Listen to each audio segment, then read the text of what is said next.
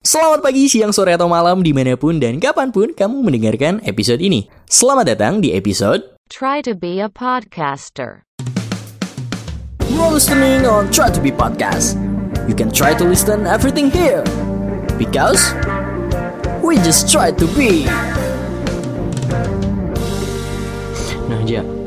Tadi itu kan se- sebelum gua ke sini nih, gue dari rumah kan, dari Cimahi Dago, lumayan tuh, rada jauh. Gila, eh, ppkm jalan-jalan pada disekat, pada ditutup-tutupin. Gue bingung gitu mau lihat mana. Gue sampai harus muter-muter cari jalan buat ke sini gitu. Lo ngerasa gak sih kayak eh, disekat-sekatnya jalan ini justru bukan solusi gitu sebenarnya? eh kalau gue kebetulan gak berani bilang gitu ya, karena eh mungkin karena kebebelannya orang Indonesia nggak sih? Iya. Jadi kayak eh kalau nggak ditutup ya memang kita nggak memungkiri orang Indonesia itu susah diatur. Cuman yang gue sayangkan konsistennya itu loh, konsistennya terhadap kalau gue tadi pengalamannya beda sama lu bal. Gimana tuh? Gue justru ngelihat jalan-jalan udah mulai dibuka lagi. Untuk akses gue ke sini pun gampang banget gitu. Nah, gue sayang banget sama konsistennya itu loh. Oh berarti Kayak- dari rumah lo sampai sini eh, aman. Tapi dari gua ke sini pada ditutupin. Iya. Mungkin nggak merata juga kali ya. Heeh. Dan eh, sebenarnya kan kalau gue lihat berita per hari ini ya, per hari ini jalan titik-titik yang disekap, disekat sama polisi itu ditambahin jadi 40 titik dari sebelumnya cuman Gila, berapa gitu. update banget orangnya update banget. Harus up to date dong. jadi 40 titik. Nah, jalan-jalan yang disekat ini eh, nimbulin macet buat jalan-jalan alternat- alternatif gitu. Soalnya kan jalan-jalan pada disekat, tapi mobilitas orang buat keluar rumah itu ternyata menurut gua nggak berkurang banget sih. Ya mungkin emang ada orang yang jadi karena malas karena jalan disekat, oke jadi dia malas keluar.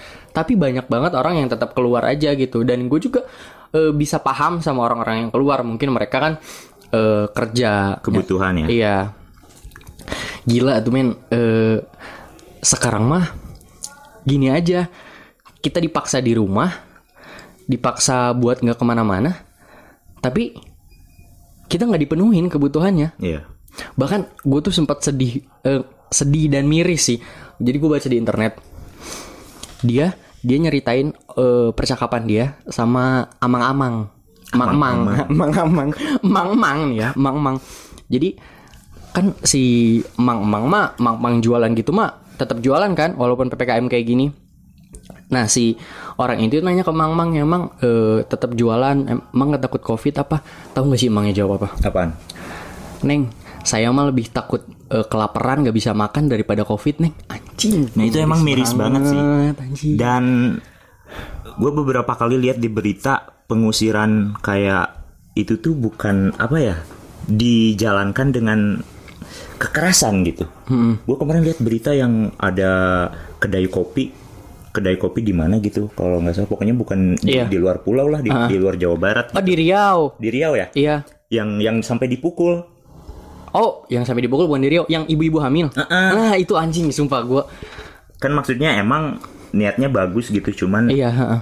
jangan sampai gitulah. Tapi kalau gue lihat eh gue telusurin beritanya ya, itu tuh mereka tuh sebenarnya udah tutup tahu dari jam 7, tapi tetap diusir dengan dengan Iya. cara paksa ditutup Dan dengan cara katanya itu paksa. cuman lagi live FB doang ya. Iya, lagi live Facebook. Jadi dia tuh punya kebiasaan kalau misalnya udah tutup kayak eh, bikin endorsan-endorsan gitu di Facebook kayak promoin bukan endorsan sih kayak Iya. promoin makanan-makanannya. Dan itu tetap didatengin sama eh aparat gitu Iya. dan sangat-sangat nggak manusiawi sih menurut gue. Padahal ada kok cara yang lebih baik dari itu. Eh gue salut banget sama kepolisian di Bali. Kenapa tuh? Di Bali tuh jadi eh di Bali tuh nyuruh nutup eh apa? Ada ibu-ibu jualan kayak nasi gitu. Si polisinya nyuruh nutup, tapi dia nyuruh nutupnya dengan cara ngeborong semua makanannya biar si ibu-ibu itu Nah, tetap itu tutup. baru solusi, itu keren. Itu solusi banget kan. Jadi kayak win-win solution gitu. Ya. Sekarang ya kita juga nggak bisa nyalain polisi ya polisi nyala eh, mereka tuh menjalankan tugasnya tapi emang nggak bisa dipungkiri ada beberapa oknum oknum nih ya Iya. gue bilang yang menjalankan tugasnya tuh eh, nggak sesuai eh, protokoler gitu. Harusnya kan bisa diingetin baik-baik gitu. nggak usah langsung pakai cara kekerasan gitu. Apalagi ibu-ibu hamil anjing lu bayangin gak sih? Ya. Sebenarnya ada tahapan ya kalau misalnya bener kayak lo tadi bilang sebenarnya ada tahapan kayak dibilangin dulu dengan baik-baik. Iya, mm-mm. Untuk eh, membuktikan kalau dia kebebalannya sangat-sangat emang gak bisa dibilangin kan? Heeh. Misalnya udah dibilangin beberapa kali tetap dagang atau tetap gimana ya itu mungkin ada cara lain. Iya, gitu. heeh. Cuman ini kalau misalnya langsung dengan cara kekerasan kayak gitu kayak nggak etis aja sih menurut Iya. gue. Bahkan waktu itu ada counter HP yang diangkut aksesoris aksesorisnya. Enggak, gue bingung counter HP. Dia kan jualan pulsa, Kan jualan bisa disuruh kuota. tutup doang gitu ya. Iya, bisa disuruh tutup dong. Maksudnya menurut gue ya eh eh, para para petugas ini bisa misalkan hari ini mereka eh, ngasih peringatan gitu. Tolong jangan jualan lagi dan tolong kalau jualan eh, waktunya terbatas dan gak boleh nimbulin kerumunan. Iya. Kalau besoknya dia masih tetap kayak gitu, baru ditindak. Jadi ada peringatan dulu, jangan asal langsung eksekusi aja gitu kalau menurut gue. Itu sih yang eh, patut diperbaikin ya untuk masalah akhir-akhir ini gitu tentang PPKM ini. Jadi eh, semoga ya pengennya sih cepat beres ya masalah COVID ini cuman untuk menghadapi COVID yang lama ini semoga penanganannya juga membaik gitu. Seenggaknya penanganannya membaik deh kalaupun COVID-nya nggak hilang penanganannya aja deh yang membaik gitu. Tapi lo tau gak sih eh kalau menurut gue ya yang emang bener-bener eh, korban eh, bukan korban sih tapi emang yang ngerasa nggak enak itu eh, strata kelas ekonomi menengah tau. Kalau misalkan strata ekonomi menengah ke atas nih, mereka tuh oh ya udah mereka misalkan kerja di rumah, mereka tuh tetap punya dana simpanan, dana urgent. Menengah ke bawah itu dapat bantuan dari pemerintah, Ya. walau gak semua. Nah menengah meneng yang menengah ini nih, syukur-syukur kalau emang mereka punya dana urgent. Tapi kan gak semua punya dana urgent. Yang menengah ini misalkan mau dikasih bantuan, tapi kelihatan kayak mampu. Dan dia pun iya sih sebenarnya itu di posisi membingungkan ya. Iya, Karena bingung dia banget. untuk mendapat bantuan pun ada juga yang lebih susah. Iya, ada yang lebih susah. Cuman di sisi lain dia juga butuh. Cuman kayak eh, ya itulah masalah kita bersama sih sebenarnya ya.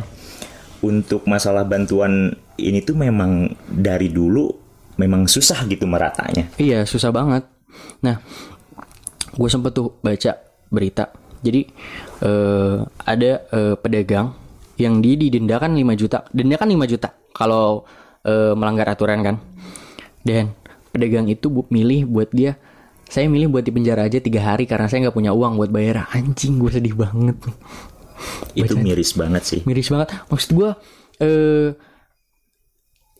eh, ngasih solusi itu tuh tugasnya pemerintah tahu maksudnya pemerintah tuh selain mereka ngasih kebijakan mereka juga harus ngasih solusi pemerintah nyuruh warganya di rumah pemerintah juga harus bisa ngejamin warga kebutuhan warganya tuh di rumah terpenuhi Ya.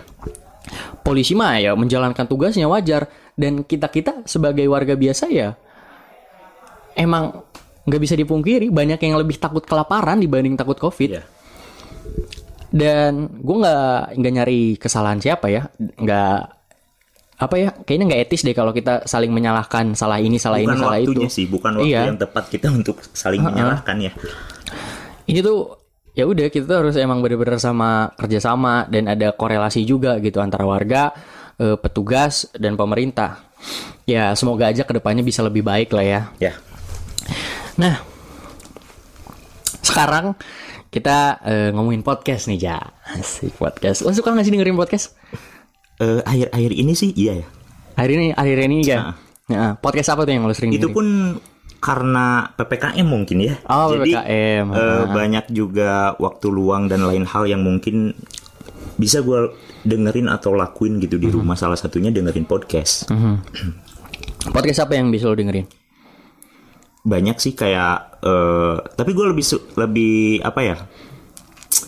Dengerin podcast tuh lebih ke random sih. Di saat gue lagi pengen, jadi gue ada kategorinya nih. Gue tahu ketika gue lagi pengen dengerin yang eh, serius ya, gue dengerin yang serius. Jadi Mhm. gue nggak punya patokan suka podcast kayak gimana. ya udah yang menarik aja yang gitu menarik ya aja kalau yang dengerin pengen gitu. didengerin aja gue lagi kepo sama hal apa ya udah gue dengerin gitu Lo dengerin podcast tuh dari kapan? Awal pandemi kayaknya ya. Awal-awal pandemi. Berarti awal tahun lalu tuh lo mulai mulai rutin dengerin podcast gitu kan? Tapi lo juga gitu nggak sih? Iya, gue juga gitu karena eh gue sama kayak lo gitu. Gue ngedengerin podcast kayak gitu itu emang pas lagi pandemi ppkm yang di mana kita di rumah aja gabut gitu kan. Ya udah, gue ngapain ya dengerin podcast dong gitu kan. Dan paling sambil biasanya gue sambil kalau misalkan nugas kerja gue dengerin podcast walaupun kadang konsentrasi terpecah belah gue nggak terlalu fokus tuh sama apa yang diomongin Nah gue nggak bisa banget tuh kayak gitu.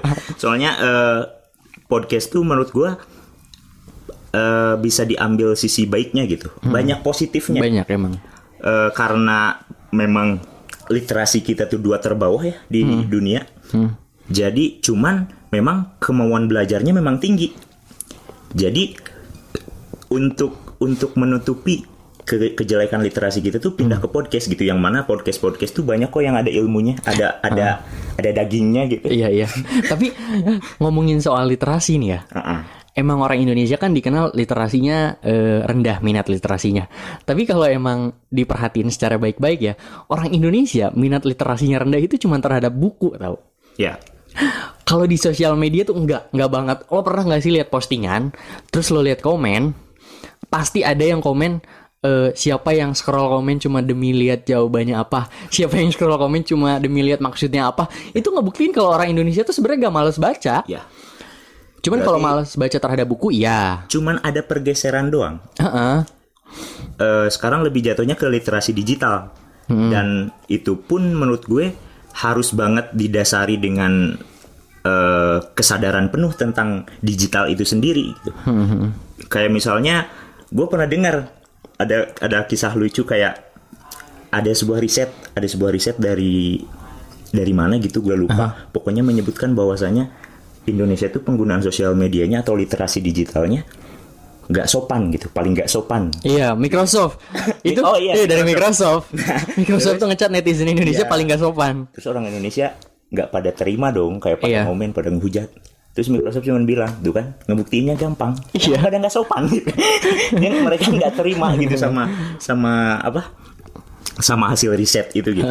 Padahal kan itu riset ya, based based on data ya, Iya, yang jadi- di mana mereka research gitu. Ah, Jadi eh, sebenarnya bagus eh, bisa dibilang bagus juga kalau literasi digitalnya memang berkembang gitu. Cuman harus didasari juga dengan kesadaran betul akan eh, etik terhadap digital itu sendiri. Hmm, attitude sih ya, emang. Ya.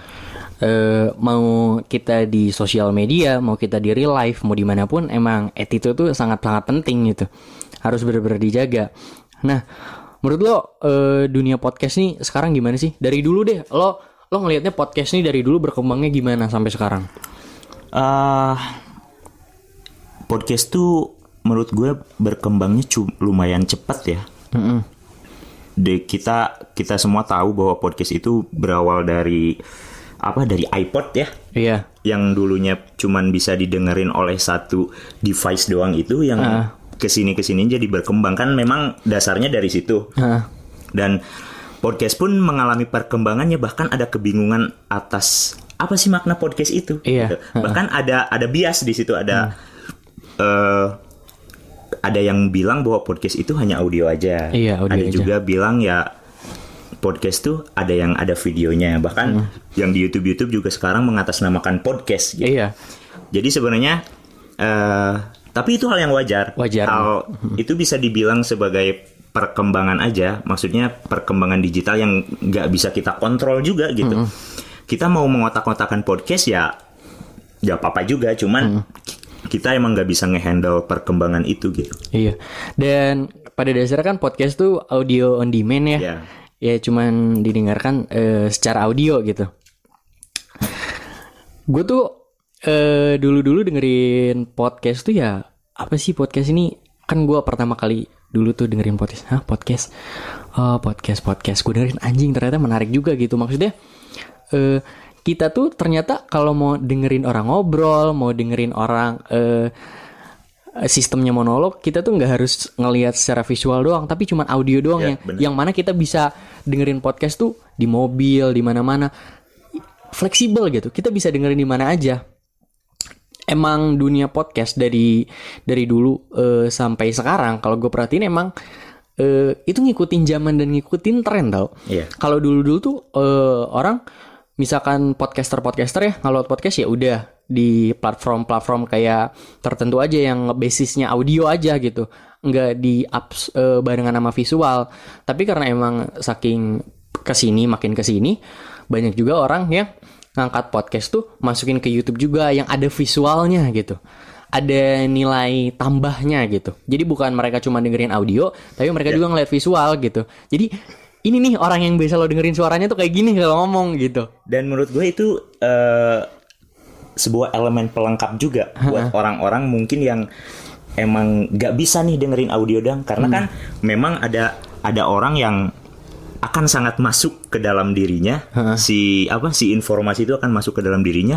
Ada yang lewat pendengaran ada yang lebih efektif lewat pendengaran dan ada yang mungkin visual gitu. Jadi itu merupakan elemen pelengkap juga buat masyarakat kita lebih melek terhadap apa ya terhadap informasi yang ada di luar gitu. Jadi eh, nggak menurut gue nggak penting juga kalau misalnya diperdebatkan kayak podcast itu audio doang. Atau enggak kok podcast itu sekarang bisa berkembang. Ya kalau kita sibuk dengan memperdebatkan hal itu kita akan lupa pada manfaat yang sebenarnya esensial gitu di situ. Kayak gitu sih. Hal itu tuh sebenarnya emang bukan hal yang harus diperdebatkan. Bener banget. Ya kita balik lagi eh, sama apa yang sering gue ngomongin kalau aja kita tuh harus ngelihat sesuatu hal itu dari sudut pandang yang berbeda Bener gitu.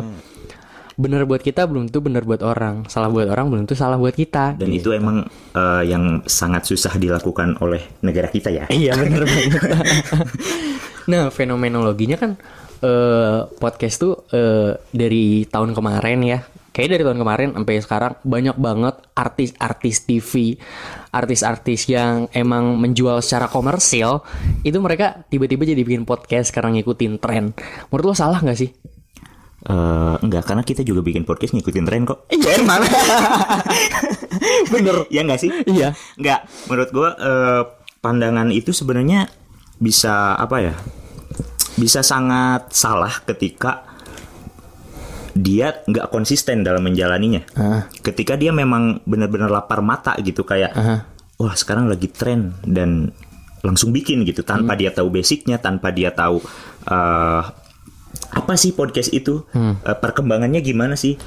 Menurut gua kalau didasari dengan berangkat dari kenggaktahuan tanpa mendalami itu akan menjadi hal yang salah gua. meskipun di dalamnya mungkin ada kemungkinan untuk belajar ke depannya cuman biasanya outputnya orang-orang kayak gitu nggak lama dan nggak konsisten Yang niatnya cuma dari awal cuma pengen ngikutin tren doang ya gitu. gitu ah. cuman ya balik lagi kita nggak bisa mengkontrol apa yang berkembang gitu ya Iya, menurut gue juga eh, nggak masalah kok karena setiap orang tuh punya hak. Bahkan artis-artis selebritis tuh orang juga gitu kan. Iya. Mereka tuh ya udah punya hak juga buat ngelakuin ini, ngelakuin itu. Eh, gue paling males sama orang-orang yang suka ngasih stereo stereotype ya kayak Ih artis ngapain gini-gini ikut-ikutan Udah aja fokus ke jalannya Udah aja fokus gini fokus gini Come on. Itu tuh kan manusia juga. Mereka tuh manusia. Ya udah mereka punya hak buat itu gitu loh. Dan apa ya? Menurut gue orang-orang yang mempermasalahkan eh, Artis-artis Atau orang-orang besar Misalkan masuk buat berkarya ke dunia baru Misalkan kayak podcast Ke Youtube Itu adalah orang-orang yang gak siap buat bersaing. Iya. Itu adalah orang-orang yang Mereka tuh takut buat bersaing benar gitu. banget.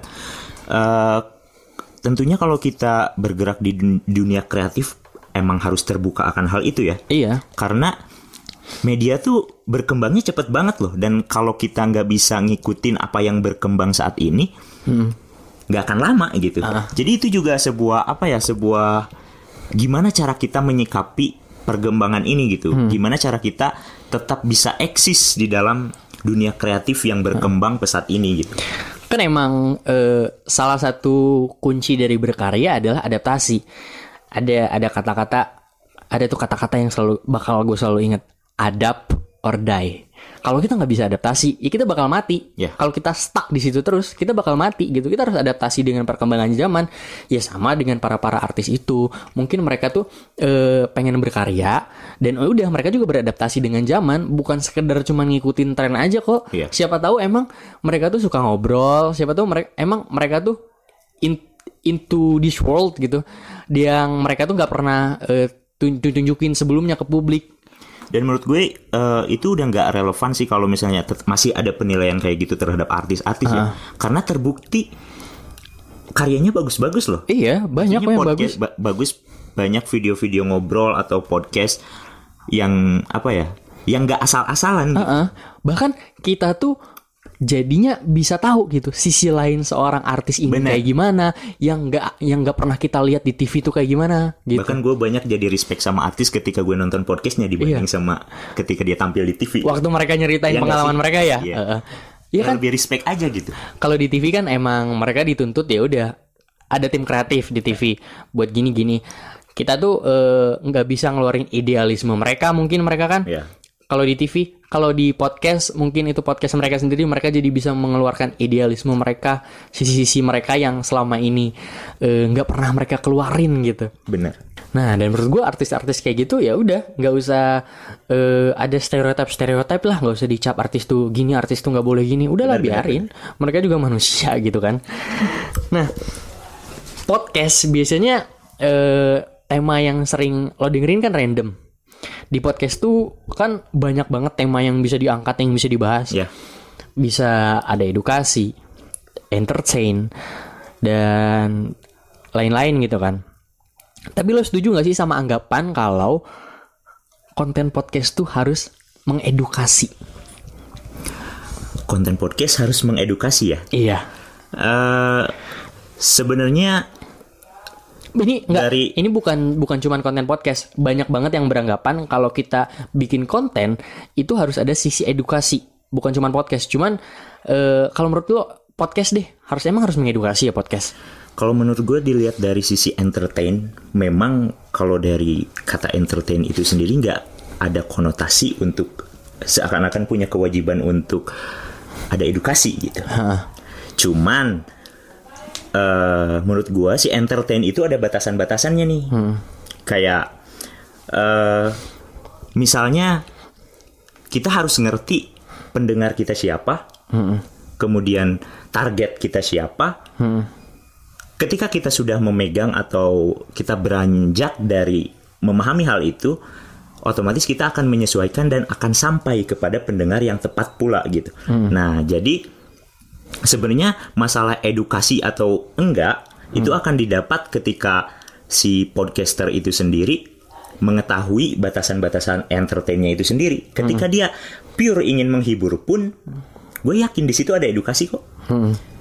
Jadi eh kalau dibilang harus mungkin enggak ya karena memang entertain untuk menghibur ya itu pure. Kayak misalnya komedian deh. Komedian kan dengan nama komedian nggak ada tuntutan untuk mendidik gitu Iya. menurut gue di sini pun gitu cuman memang akan sangat baik ketika kita menggunakan platform entertain untuk mengedukasi seorang itu sangat baik cuman ya Nggak harus Nggak gitu. harus. Nggak harus disesuaikan sama tujuan awal Ya, dia berkarya. Gue, contohnya gue kayak tadi gue bilang gue dengerin random gitu. Ha. Gue gak dengerin yang serius-serius mulu ya. Gue juga pengen hiburan. gitu. Iya. Esensi si hiburan itu tuh penting juga kok.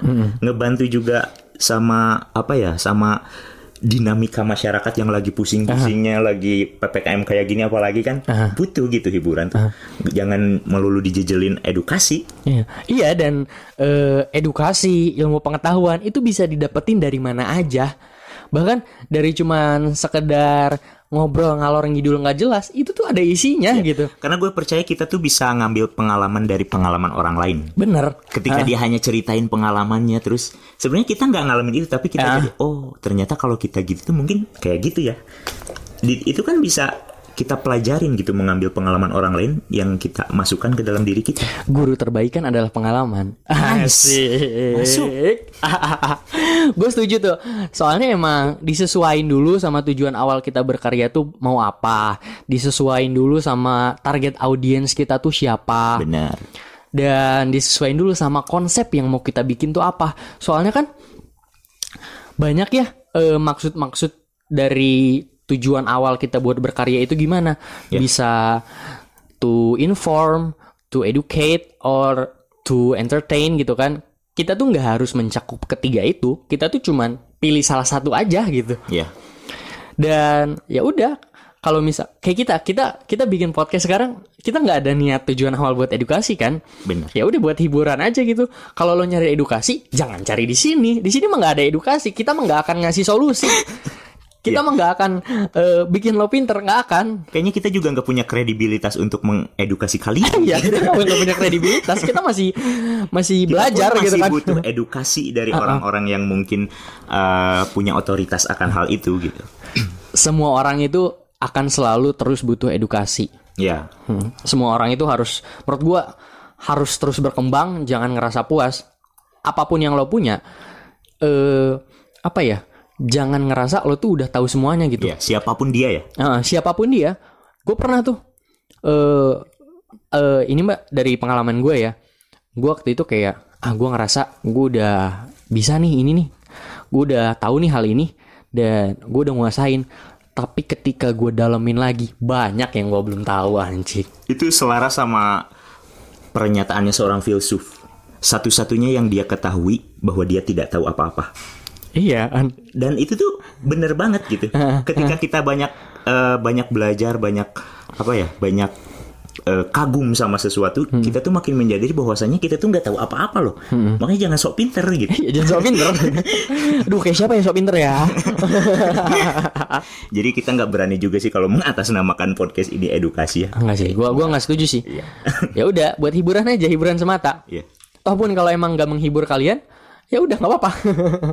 Kita mah eh, menghibur kalian syukur, nggak menghibur juga nggak apa-apa. Gue mah setuju banget sama eh, apa filosofinya Soleh Solihun gitu. Apa tuh? Eh filosofinya Soleh Solihun tuh kan ya udah dia mah berkarya ya semau dia aja. Kalau orang gak nerima ya udah biarin bodo amat gitu. Iya. Yang penting dia berkarya semau dia aja gitu. Nggak usah eh, dijadiin tuntutan atau beban gitu. Bener-bener. Biar lepas aja gitu kayak kita kan. Nah podcast podcast tuh kalau dilihat banyak banget kan macamnya. Ada monolog, ada dialog dan banyak macamnya kan. Lo su- suka dengerin yang mana aja? Monolog suka- atau dialog gitu? Kalau di antara dua itu gue lebih suka dialog ya, karena Kenapa tuh? eh, dialog itu menimbulkan apa ya? Ada dialektika gitu antara satu orang dan dengan orang yang lain dan itu menurut gue akan lebih luas ketika salah satu orang dari kedua itu memiliki argumen mungkin akan diperjelas lagi argumennya atau memiliki pandangan yang lain. Jadi gue lebih suka kayak lebih kaya aja gitu. Ya otomatis ada dua kepala dan mungkin ada apa ya dua dua pengetahuan yang gue dapat gue dapat gitu. Kasarnya kayak gitulah.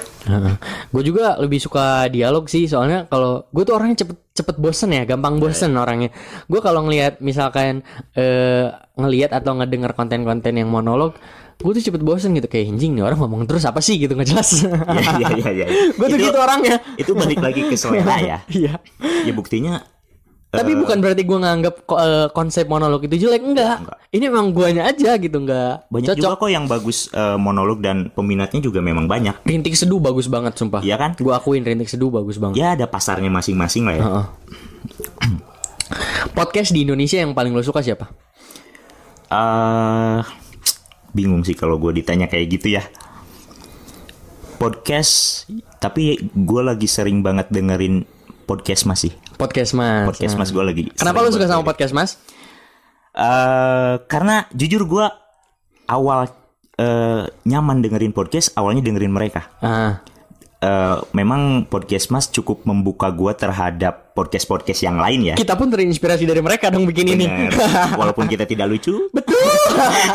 tapi seenggaknya kita eh, apa ya eh, tergerak akan melihat melihat perkembangan podcast yang dibangun oleh podcast mas mereka kan bikin apa podcast mas Asia Network ya iya. Dan podcast Mas Asia Network. Gue itu gokil banget. sebuah perkembangan podcast yang dia manfaatkan dengan baik gitu. Mhm. Dia memfasilitasi orang-orang yang pengen berkarya di ranah itu gitu luar biasa banget. Di samping gue emang suka sama konten-kontennya yang ya simple tapi bikin asik aja gitu. Uh, kalau gua, gua udah jelas dong. Suka banget sama podcastnya.